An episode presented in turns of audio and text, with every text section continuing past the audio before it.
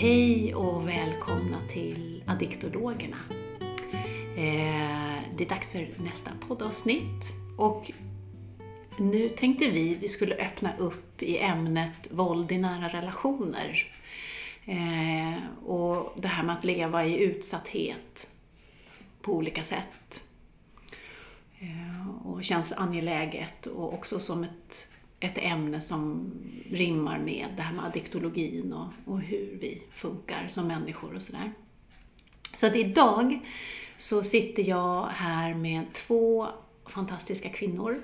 Eh, jag har Britta, eh, Lucy och vi samarbetar, du, du är ju här med oss på Samverkangruppen och, och samarbetar. Vi har lite olika spännande projekt Mm, det är sant. framöver som vi kommer återkomma till. Eh, Men du är med här idag för det här är också ett område som du är väl bevandrad i på olika sätt.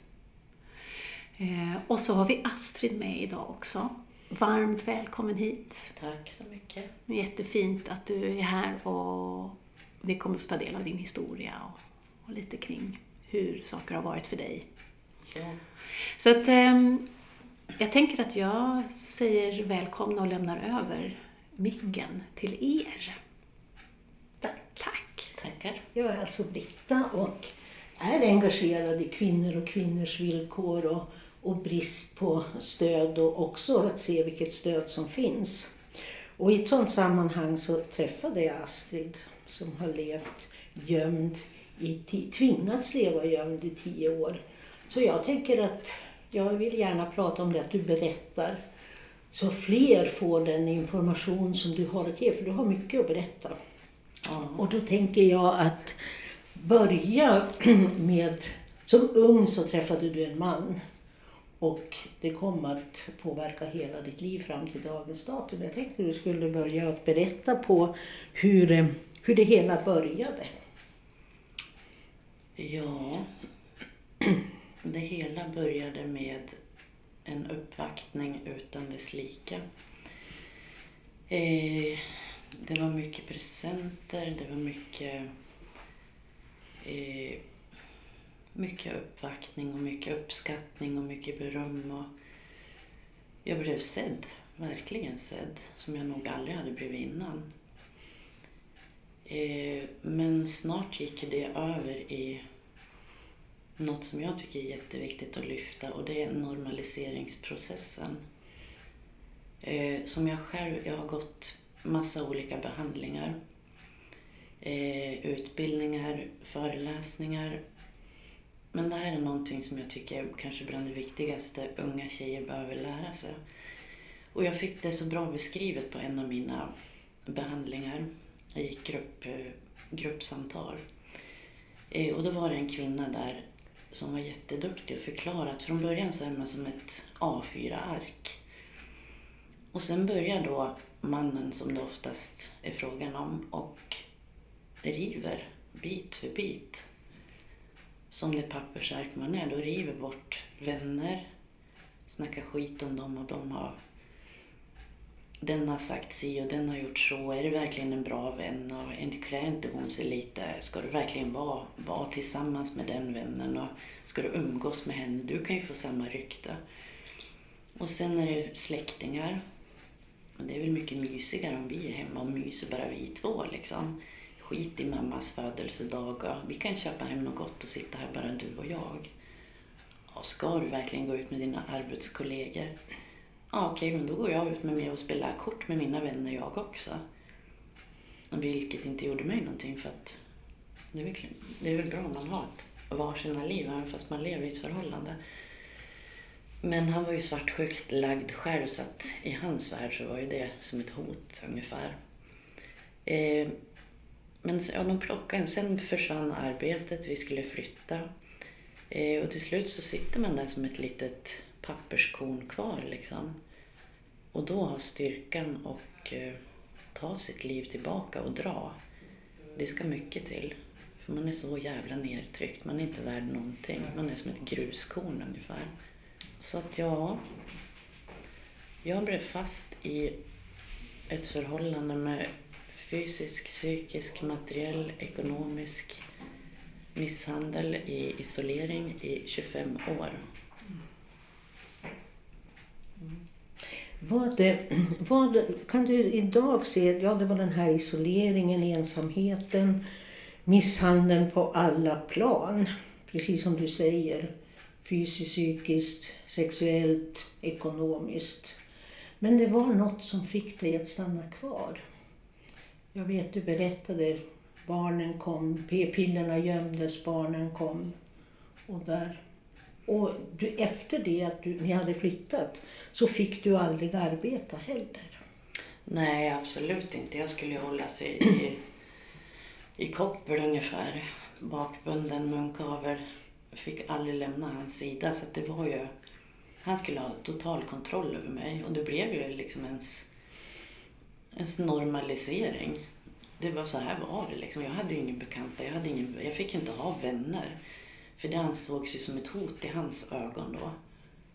Eh, det här var ju 80-tal. Det fanns inga telefoner som eh, mobiltelefoner. Skulle man ringa och ha kontakt med sina släkt, eh, släktingar och vänner då fick man gå till en telefonkiosk och det var inte så att man gjorde det särskilt ofta. Sen var det väl samtidigt en skam att man, man satt där man satt. Men sjuk jävel helt enkelt. Eh, jag visste inte vem, vad, vem kan jag vända mig till och han sa ju det från dag ett när första dottern kom att skulle jag lämna han, skulle jag ta mina barn, mitt barn då och dra, han skulle ju förfölja mig. Han skulle aldrig släppa, jag skulle inte få ta mitt barn och gå därifrån. Då var det döden som gällde. Så det var ju det jag levde under. I trauma, helt enkelt. Det fanns en du levde så i 25 år, men vad hände när du till slut valde uppbrottet? Vad hade hänt? Ja, det är mycket vatten hann ju rinna under de broarna. Men vad som slutligen fick mig att ta steget och gå, det var jag hade hjälpt mina döttrar att få sina boenden ordnad, sina lägenheter. Bägge två hade arbeten. Han blev mer och mer kontrollerande över mig och misshandeln eskalerade på alla plan. Eh, jag skulle hälsa på, när jag skulle hälsa på mina döttrar så skulle jag be honom om lov. Och det blev tredje världskriget utbröt varje gång. Och jag kände att äh, där går fan med min gräns. Jag ska inte behöva be om lov och hälsa på mina egna barn. Det är de jag har levt för under alla dessa år. Och nu var ju de säkra, nu hade de sin trygghet, nu var inte de kvar under samma tak som den här tyrannen. Så då valde jag att fly för mitt liv. Mm. Du flydde helt enkelt, du rymde? Ja. Mm.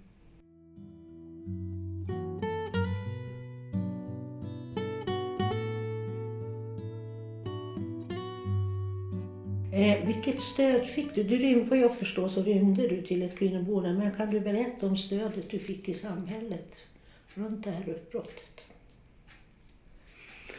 Eh, jag kom till kvinnojouren då 2010-06 och eh, jag blev bra mottagen. Flykten dit var då jag trodde inte jag skulle överleva den. Jag tog en bil och flydde. Eh, och var säker på att han skulle följa efter mig och preja mig av vägen och döda mig. Men jag lyckades ta mig in på, på det här hemliga uppsamlingsstället i kvinnojouren.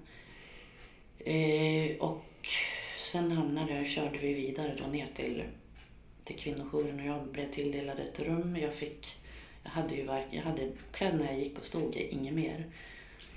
Men jag fick det här rummet och jag fick kläder och jag fick en liten, en liten väska med tandborste, tandkräm, hudprodukter. Och sen levde jag som i en bubbla. Det var, jag kunde inte sova. Jag var helt, det här var ju liksom mitt första, första och sista uppbrott ifrån den här människan. Jag hade ingen aning om hur länge jag skulle få stanna där men jag träffade en av de finaste människorna som jag har haft, haft i mitt liv. Henne fick jag som stöd, stödmentor på den här kvinnojouren. Eh, så hon, hon hjälpte mig väldigt mycket på vägen. Men efter fyra månader då var det, då hade min tid, då var min tid över. Då behövde jag liksom ta steg två och det var att skaffa en, lägen, en egen bostad och flytta ut ifrån kvinnojouren. Eh, och jag visste att i den staden skulle jag bli hittad ganska snabbt. Så att jag behövde hjälp att hitta en lägenhet i en annan stad. Men de, det fanns inga resurser till att, att hjälpa till med det. Så att jag gjorde vad jag kunde och skaffade en lägenhet i den staden. Där jag sen blev hittad efter någon månad. Där jag hade försökt att bygga upp mitt liv någorlunda. Vilket innebar att gå ut förklädd kvällstid. Eh, leva med persiennerna fördragen. Eh, må jävligt dåligt. Jag vände mig till psykiatrin och bad om hjälp. Eh, jag berättade min livssituation till en, en eh, psykiater som antecknade och antecknade och det var ju så mycket så vi fick ju köra på möte två. Det brukar normala fall vara ett möte enbart. Sen skickade hon över vad hon hade antecknat till, till en överläkare och vi hade något, någon träff någon vecka efter. Och då fick jag höra att eh, ja, men det här det är en liten mild livskris du har nu. Så att du behöver du fortsatt hjälp i det här så vänd dig till vårdcentralen. Och är det något piller du vill ha utskrivet? Och jag kände liksom, men alltså 25 år med en fucking narcissist med alla typer av misshandel och det kallar de för en liten lätt livskris och frågar vad jag vill ha för mediciner. Det är helt sinnessjukt. Så där tappar man ju lite hoppet om att hjälp finns att få. Men som sagt så hittade han mig efter någon månad så det var bara att skänka, slänga, sälja, göra mig av med det jag hade samlat på mig i min lägenhet. Fylla det jag kunde i en hyrbil, tog med mig min katt och drog. Eh, bodde hos min syrra någon vecka. Sen hamnade jag i en, eh, en liten förort kan man väl säga där jag bodde ett år tills den lägenheten skulle säljas. Jag hyrde en andrahandslägenhet. Eh, den skulle säljas och jag blev inneboende hos en vän till min syster vilket inte funkade så bra så jag skaffade en lägenhet inneboende hos en av Sveriges första kvinnliga poliser där jag bodde i fem år. Stortrivdes med henne, hon blev som min mormor ungefär. Satt och berättade sina gamla polishistorier på kvällarna. Sen var jag med om en benfraktur och blev inlagd på operation och sen rehabilitering. Det hade gått fem år nu i mitt nya, mitt nya liv. Midsommarafton 2016 får jag ett meddelande när jag ligger på rehab. Nu vet jag vart det finns din jävel. Eh, så skrev jag min adress där jag bodde. Så då blev det mm, en ny kvinnojour, kvinnoboende med direktkopplat larm, GPS-larm till polisen. Så skulle människan dyka upp så kunde jag trycka på knappen och det skulle gå ut en, ett larm till närmsta patrull som kunde lokalisera mig och dyka upp fortare än fasiken. Eh, där blev jag kvar i ett år. Hoten fortsatte ju naturligtvis att trilla in då. Eh, och jag har gjort, jag vet inte, jag har tappat räkningen på alla anmälningar jag har gjort. Även mina nära släktingar har blivit hotad och har gjort anmälningar. Kontaktförbud har kommit och gått. Efter ett år på det här skyddade kvinnoboendet så tyckte de att men nu, nu är hotbilden borta. Han har ju inte hittat dig så att nu, nu får du flytta ut härifrån. Eh, någon, och jag kände, men alltså vad fan ska jag ta vägen? Inte så att jag står och täcker upp någon plats här liksom. Det är ju det är bara jag som bor här. Det finns fyra platser till. Ja, men du har ingen hotbild kvar så du ska ut härifrån nu. Jag kommer alltid få leva med den här hotbilden. I nuläget så är det ett kontaktförbud som har gått igenom. Eh, och jag kommer alltid att få leva under sekretessmarkerade personuppgifter. Att leva så här anonymt för så också, det har ju inneburit väldigt mycket för dig socialt. Du har fått bryta med vänner, din ursprungsfamilj, men även dina, dina barn har ju påverkats av det här. Eh, har du något du vill berätta där? Ja, de mår naturligtvis jätte, jättedåligt av hela situationen när de får se. Mamma tog sitt liv tillbaka, hon krigar järnet men hon står likförbannat på ruta ett fortfarande än idag. Liksom. Det jag ångrar inte en enda sekund att jag valde att ta mitt liv tillbaka. Men samhällets eftervåld, det är minst lika illa som den, eh, misshandelsrelation man har levt i. Och det är verkligen någonting som behövs tas upp till diskussion och granskas för det här är inte okej någonstans. För jag tänker att det finns utlåtande från polis och Eh, andra instanser som har kunskap om våld i nära relationer. Men det har inte alltid tagits på allvar av den socialnämnd som du har sökt för att få hjälp med boende och ja, ett skyddat boende och så.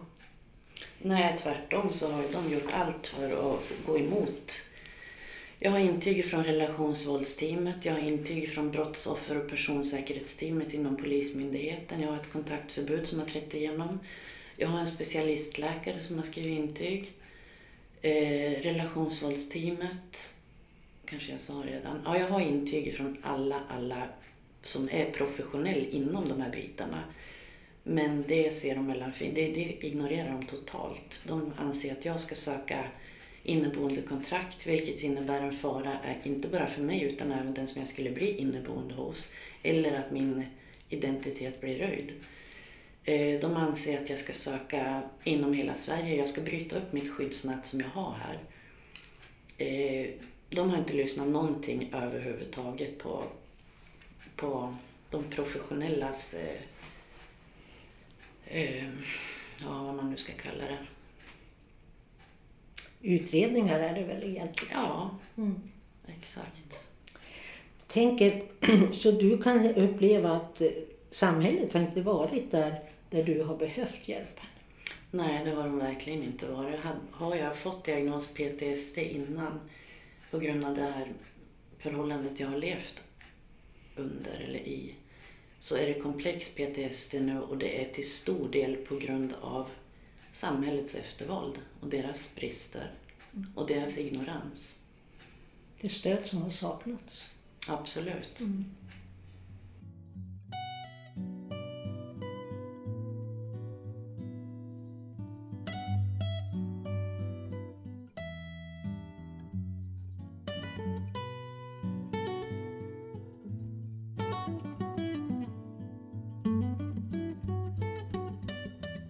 Hur skulle du ha velat, om du tänker tillbaka nu på de här tio åren då du har levt gömd och där du har varit väldigt ensam, vad jag förstår. Eh, hur skulle du ha velat att det såg ut? Ja, jag kan ju... Jag var på en föreläsning där jag fick det så fint beskrivet om hur vi ska jobba i samhället, eller de och det är att kvinnan sitter ju då som spindeln i nätet och har man levt under sådana här förhållanden så finns det många människor som behöver, behöver bli involverade i ens liv och hjälpa till. Det är ju vår, vården, det är psykiatrin, det är SOS, det är eh, relationsvåldsteam. Det är massa människor som behöver vara bostadsförmedlingen, arbetsförmedlingen, Försäkringskassan. Och har man sekretess så är det ju ännu svårare då. Men att alla de här behöver teama tillsammans och hjälpas åt. Det är inte kvinnan som ska sitta där som spindeln i nätet och rycka i alla trådar själv. För den, den orken och den styrkan den finns oftast inte. Men det var ju så fint förklarat att det här, så här ska vi ha det, så här ska det bli. Det var Karin Götblad som hade den här föreläsningen. Jag hade kontakt med henne både före och efter och eh, fick rådet från henne själv, då mejla henne angående att jag ville gå vidare i en diskussion men jag fick svara hennes sekreterare att ja men du kan väl köra på som polisvolontär eller någonting. Det hade ju inte ens med saken att göra. Så man känner det är mycket snack överallt men när det kommer till kritan så undrar jag var fan finns hjälpen? Men teorierna, teorierna i hennes föreläsning att det skulle vara en teamledare som kallade ihop alla de här teamen som blev spindeln i näten istället för kvinnan. Är det en som du ser som skulle kunna vara en lösning? Absolut, ja. Mm. Det är en superidé. Det är ju verkligen så det ska vara. Mm. Men när ska det ske? För kvinnan som nu är spindeln i nätet, hon har inte krafter att samla på sig de här och få ihop alla. Nej, det är ju en hel, hel, heltidssysselsättning bara det. Allt pappersgöra, alla överklaganden, omprövningar. Vilka ska man prata med? Vem gör vad? Vad kan jag få för hjälp? Det är jättemycket som jag inte har någon som helst jävla kunskap av. Mm. Så det behövs någon som kan kan vara en teamledare och hjälpa till med alla de här bitarna och koppla ihop alla, alla människor runt omkring. Jag förstår det som att du vid ett tillfälle eller några tillfällen har bett om det här.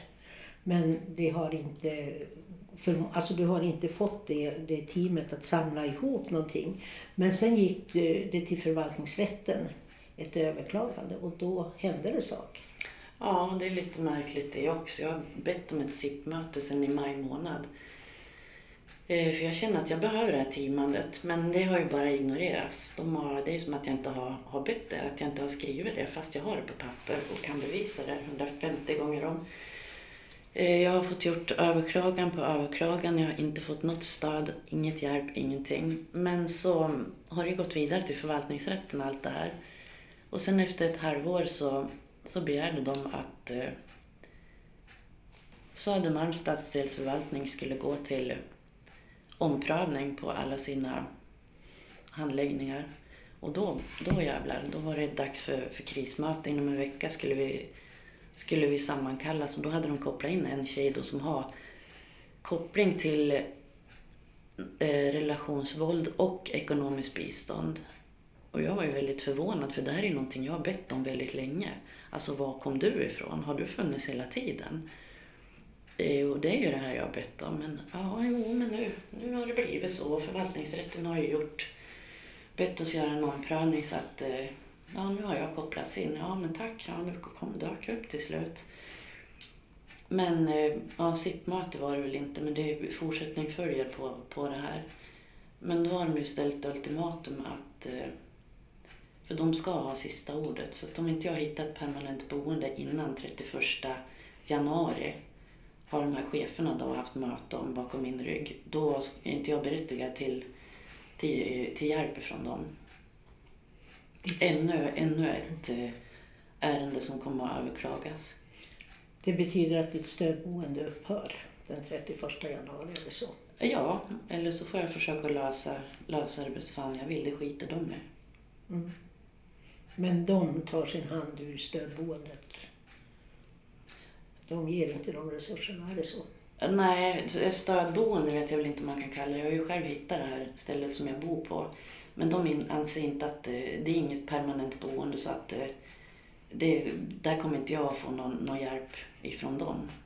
Okej. Mm.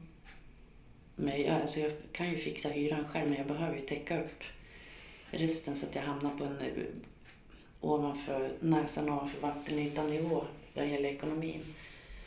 Men nej, jag ska trolla med knäna annars blir jag av med, med den lilla hjälp jag får från dem. För vad jag förstår, på grund av ditt trauma men också på grund av att ditt behov att leva skyddad så jobbar du bara halvtid, förmår bara jobba halvtid. Ja, precis. Jag kör arbetsprövningar och ska testa min, min förmåga. Mm.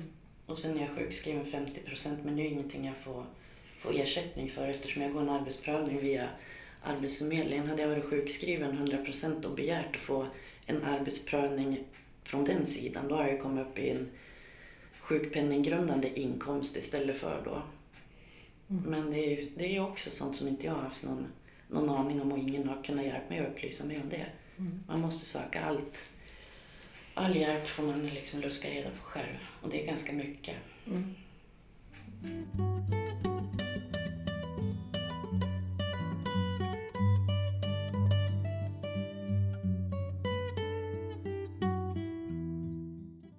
Så hur ser det ut för dig idag? Vi har ju varit inne lite grann på det, men hur ser det ut idag? Ja, idag ser det ut som så att jag bor på ett hostel. Jag har påbörjat en PTSD-behandling. Jag har eh, stödsamtal via en diakonissa. Jag har... eh, Jag väntar på sitt möte som kommer att ske i december med alla, alla som jag har bett om under så ja, över ett halvår nu. Har godkänt att de ska medverka. Så så ser mitt liv ut idag. Och mannen i fråga har kontaktförbud. Ja, det har gått igenom nu. Och det är fortfarande en tydlig, tydlig hotbild i förhållande mot dig. Det är det absolut. Jag har ju gått igenom den här fredagundersökningen som jag själv undrar vad var meningen med den. Liksom. För det är ingen som har, som har tagit hänsyn till den. Det var ju kategori allvarligast, eh, största faran som, som pågår. Mm. Men det var meningen med en, en utredning om det ändå inte liksom tas hänsyn till den. Och din eh, kontakt med barnen är fortfarande väldigt begränsad?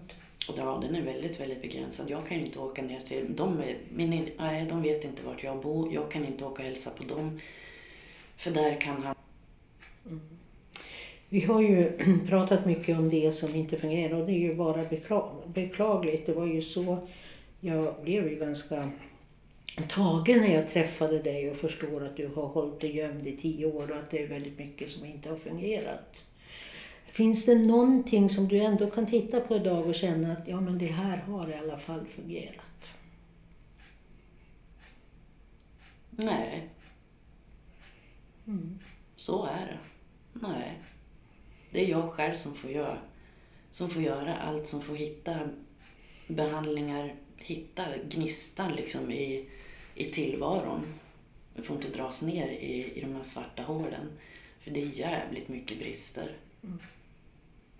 Jag har ju hittat bra människor, men jag har fått sökt. Men jag har hittat riktigt bra människor som är, som är mina krigare. Mm. Och som har hjärtat på rätta stället och vet vad som behöver, behöver göras.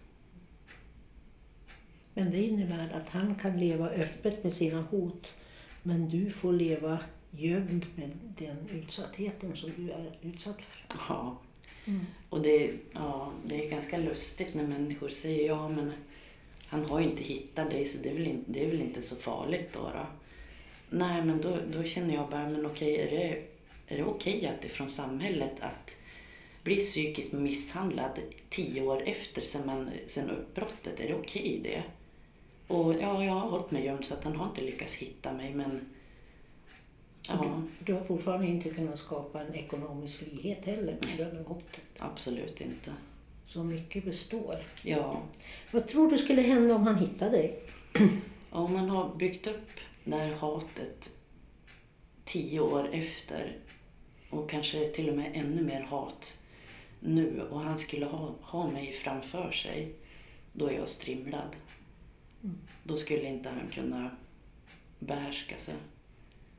Om jag har lyckats hålla mig gömd i tio år utan att han har kommit åt mig och han fortsätter att skicka dödshot och trakasserier så skulle jag stå framför honom, då, inte jag, då lever inte jag.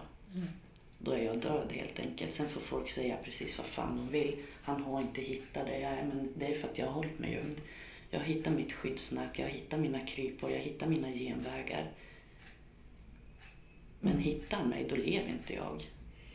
Så det är den rädsla som du bär på ständigt? Ja, det är vad jag har fått lära mig leva med. Mm. Om du skulle ha någonting att säga till de som lyssnar, som är i liknande situationer, den här situationen när det här började, när du, du var ju väldigt ung när du träffade den här mannen och hur det började. Men om du skulle, om det är så, några utav de kvinnor då, våld i nära relationer, eh, är ju ofta kvinnorna som är utsatta. Det finns det motsatta också, men oftast är det kvinnor som är utsatta. Vad skulle du ge för råd? Ja, jag skulle ge rådet att vara vaksam. Var uppmärksam på alla, alla, alla tecken på, på misshandel. Och se läget som det är nu. Se inte några jävla guld och gröna skogar utan se verkligheten som den ser ut nu. Och skit i snack. Se hur människo, människorna agerar. Och minsta tecken på någon form av misshandel, lägg benen på ryggen och dra. Och var vaksam på... Tänk på normaliseringsprocessen. Hade jag vetat om den då, vad den innebär och att det verkligen finns en sån eh, beteckning, eller vad man ska kalla, så kanske jag inte hade hamnat i det här. Men normaliseringsprocessen är riktigt lömsk, så var fan vaksam och dra. Jag har inte ångrat mig en enda sekund. trots alla svårigheter under de här tio åren så är du fortsatt glad över att du faktiskt gick. Är det så? Ja, jag vaknar varje morgon och känner bara fy fan vad jag är glad att jag inte är kvar i det där. Jag trodde aldrig att jag skulle ta mig ur. Men jag gjorde det och det, ja, bara tanken på det gör att man är lycklig varje dag. Fast det är så mycket motgångar. Mm. Jag tackar. Jag tycker du har gjort ett fantastiskt jobb. Du gör ett fantastiskt jobb. Du har all anledning att vara stolt över dig själv. Och det är fint att kvinnor som du träder fram och börjar berätta hur det faktiskt är. Eh, för en förändring behöver ju också samhällets syn och stöd i den här förändringen. Mm, tack så mycket Astrid, tack för att du var här. Tack så jättemycket själv och tack för att ni lyfter en sån jävla viktig del av livet. Och ingen skam till någon kvinna. Det här är en del av livet för många. Och det är så jävla viktigt att lyfta och diskutera och prata. Hur ska vi annars kunna göra en förändring? Så tack. Mm. Tack så mycket. Tack. Tack. Eh, tack till er båda. Jag sitter här och lyssnar och tar in och liksom, det är en... Ja, det är mycket som väcks. Det är mycket frustration, mycket massa frågetecken som väcks i mig. Eh, det är sorg, det är eh, ja, blandat. För det är också en förundran i att du sitter här och delar med dig av det här och hur du har tagit dig ifrån det här helvetet och liksom hittar lösningar på ditt sätt liksom, och hur den styrkan eh, och, ja, jag är ganska tagen, sitter här. Mm. Så, så jag vill också tacka verkligen. Tack för att du delar med dig. Och jag håller med också att det här finns, det vet vi. Och eh, vi behöver prata om de här grejerna. Vi behöver fortsätta göra det. Fortsätta lyfta, fortsätta liksom, ja, så att mm. komma fram. Eh, för det försvinner inte av sig själv, det vet vi ju. Det jag kände att vi var inne på, det var ju också de här barnen som mm. inte får något stöd alls. Man äh, pratar om medoffer. Det sägs ju till exempel att de barn som upplever våld mellan föräldrar far väldigt illa. Ibland är föräldrarna så, nu gör jag situationstecken här, så schyssta att de säger åt barnen att de ska gå in på rummet så de slipper se hur pappa piskar på mamma eller om det är tvärtom. Och barnen hör och deras rädsla är ju ständigt. Eh, dör hon nu? Blir hon ihjälslagen? Och så. Och sen när mamman förmår att göra det här uppbrottet så finns det inget skyddsnät för barnen. Jag tycker du var inne på det ganska mycket och det tänker jag är en sån där tråd som verkligen borde följas upp. Att du blev utan stöd och hjälp, men dina barn blev också utan stöd och hjälp en familj som är fullständigt traumatiserad av våld och där ingen faktiskt får hjälp. Mm. Man kan ju också säga att förövaren erbjuds ju heller ingen hjälp mm. För sin våldsbenägenhet. Och, det är ju, och jag tror att det är så många mera familjer än de som syns idag. Mm. mm. mm. Ja, det finns många många infallsvinklar mm. på det här och många som blir skadade för livet. Mm. Mm. Men vi, eh, vi, eh, jag tänker att det finns många infallsvinklar, det finns många trådar, det finns många ämnen och vinklingar kopplat till det här som vi kan fortsätta prata om och lyfta. Jag tänker att det här kommer att bli fler, eh, fler avsnitt på det här temat på olika sätt. Mm. Och jag, jag vill också säga till dig som lyssnar, tack för att du lyssnar. Eh, sprid, dela, tipsa om det här så att det får liksom komma vidare till de som behöver komma i kontakt med det här och, och få höra liksom, att det finns, finns en dialog. Och för dig som lyssnar och som känner att det här är någonting som jag vill bidra med, jag vill dela med mig, jag vill ja, och så vidare. Hör av dig, hör av dig, hör av dig. Mm. Vi vill jättegärna komma i kontakt. Så det kommer att finnas kontaktinfo också i anslutning till, till podden. Du kanske har precis som Astrid en viktig historia att bidra med. Mm. Mm. Kanske är du ett av de här barnen som blev vittne. Mm. mm. Ja, hör av dig. Hör av dig. Fint, tack. Tack. tack Vi hörs mer.